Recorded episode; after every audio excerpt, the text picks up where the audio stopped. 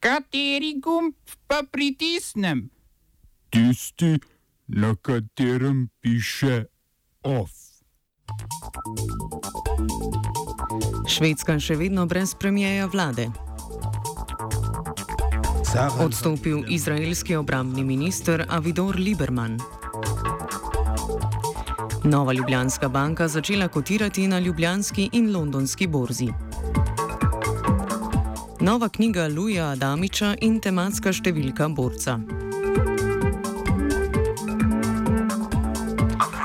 Švedski parlament je zavrnil imenovanje Ulfa Kristensona za novega premijeja.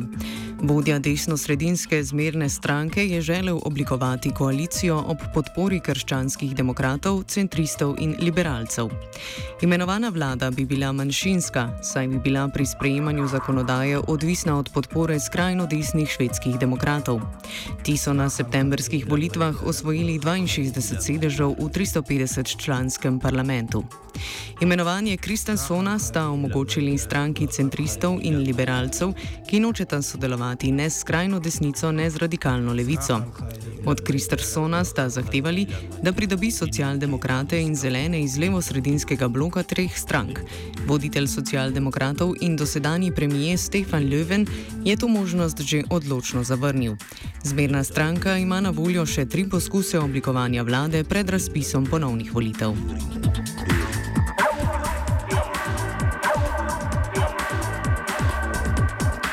Podobno se godi tudi šrilanškemu premijeju Mahindu Rajapaksi. Po imenovanju na položaj 26. oktober letos je šrilanški parlament danes izglasoval nezaupnico njegovi vladi. Mahinja, Mahinda Rajapakso, predsednika druge največje parlamentarne stranke Zavezništvo za združitev in svobodo ljudstva, je na položaj premijeja imenoval predsednik države Majtripala Sajrisena po odstavitvi demokratično izvoljenega premijeja Ranila Vikremsingija. Združena narodna stranka, ki ji ta predseduje, je na volitvah leta 2015 osvojila večino v parlamentu z 225 sedeži. Razlog za njegovo odstavitev je bil po besedah predsednika Sajrisena spor glede gospodarske politike. Šrilanško vrhovno sodišče je odločitev predsednika Sajrisena označilo za neustavno in ga pozvalo, da do konca meseca predlaga novega premijejskega kandidata. Predsednik Sajrisen je začasno suspendiral delo parlamenta, da morebitni tekmeci ne bi mogli zahtevati glasovanja o nezaupnici. Rajapakse, ki je državi predsedoval med letoma 2005 in 2015, je sicer zaslužen za zatrtje upora separatistične uporniške skupine tamilskih tigrov in končanje 40-letja trajajoče državljanske vojne. V obdobju predsedovanja je užival močno diplomatsko in finančno pomoč Kitajske, medtem ko Vikrem Sangi uživa podporo Indije. Vikrem Sangi je ob odstavitvi povedal, da odločitve predsednika Sajrisena ne bo spoštoval in napovedal poglobitev vladne krize. Po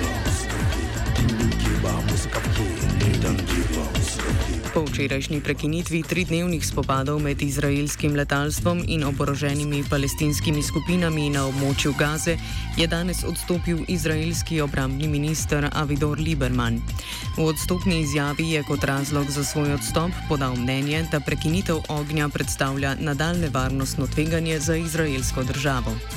Odločitev izraelskega premijeja Benjamina Netanjahuja za, za vzpostavitev premirja je označil kot podreditev teroristični organizaciji Hamas. Ustavitvi napadov je nasprotoval tudi drugi ključni član vlade, ministr za izobraževanje Naftali Bennett, ki je napovedal, da lahko trenutne varnostne razmere pripeljejo do predčasnih volitev. Več o zadnji ekskurziji izraelskih vojaških enot v Gazi v današnjem offsajdu ob 17. uri. Češka se je ob Avstriji, Bolgariji in Mačarski kot četrta država Evropske unije odpovedala podpisu Marakeške deklaracije. Neobvezujoči migracijski pakt Združenih narodov za varne, urejene in regulirane migracije predvideva 23 smernic za boljše organiziranje migracijskih tokov in ustreznejšo definicijo pravic beguncev in migrantov. Dogovor med drugim predvideva omejitev migracijskega pritiska na sodelujoče države z večjim številom beguncev in pravico do samoodločbe o številu sprejetih beguncev. Dogovor, ki je bil v dokončni obliki predstavljen julija letos, bodo države podpisale decembra v Maroku. Podpisu dogovora so se že ob julijski predstavitvi odpovedale Združene države Amerike.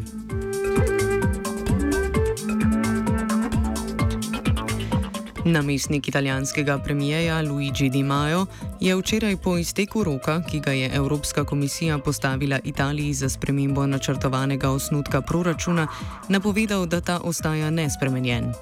Evropska komisija zato razmišlja o sprožitvi kazanskega postopka zaradi prekomernega javnega dolga, ki v skrajnem predvideva kazen v višini nič celih dve odstotka bruto domačega proizvoda. Kazenski postopek je del proračunskih pravil, imenovanih šesterček, ki jih je Unija uvedla leta 2011 sredi finančne krize. Po evropskih proračunskih pravilih je zgornja meja za javni dolg določena pri 60 odstotkih BDP, italijanski pa je 130 odstotki BDP za, za grškim drugi najvišji v EU.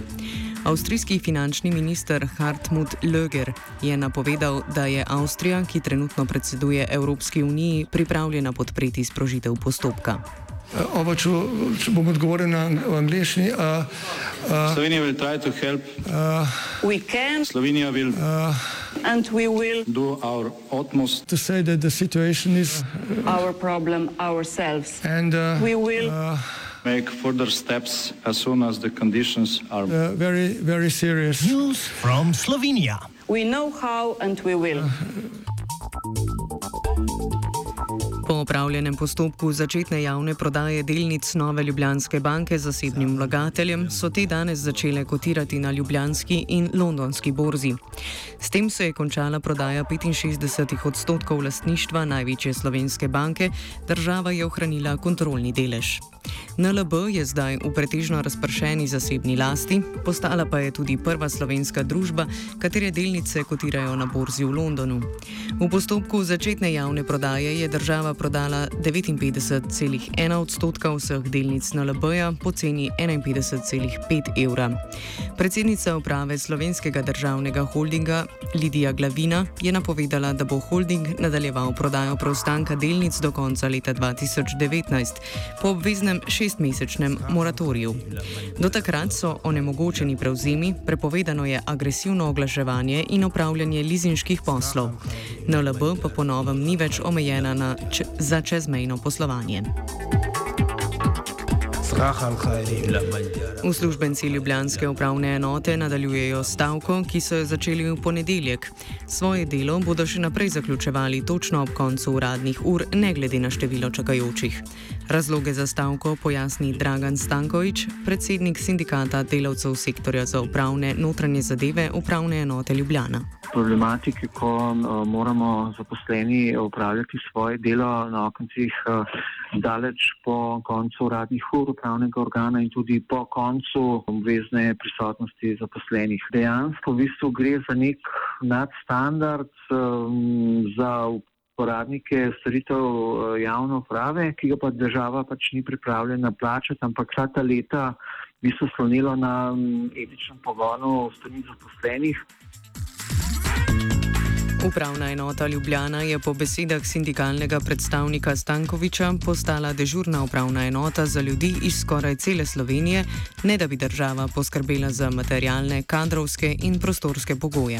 Zaposleni tako pričakujejo, da bo uh, uh, spremenila uredbo o upravnem poslovanju, ki ureja poslovanje upravne enote Ljubljana, da bo spremenila notranjo organiziranost um, delovanja upravne enote Ljubljana in da bo tudi da začela skrbeti, da bo kadrovsko okrepila upravno enoto Ljubljana. Poleg stavke na Ljubljanski upravni enoti še zmeraj poteka stavka zaposlenih v pravosodju in policistov.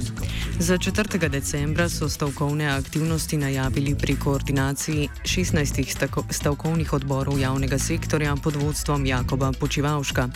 Največji sindikat javnega sektorja SWIS pa se je odločil za dvodnevno stavko zaposlenih v vzgojno-izobraževalnih dejavnostih 5. in 6. decembra letos. OF je pripravil Dugi.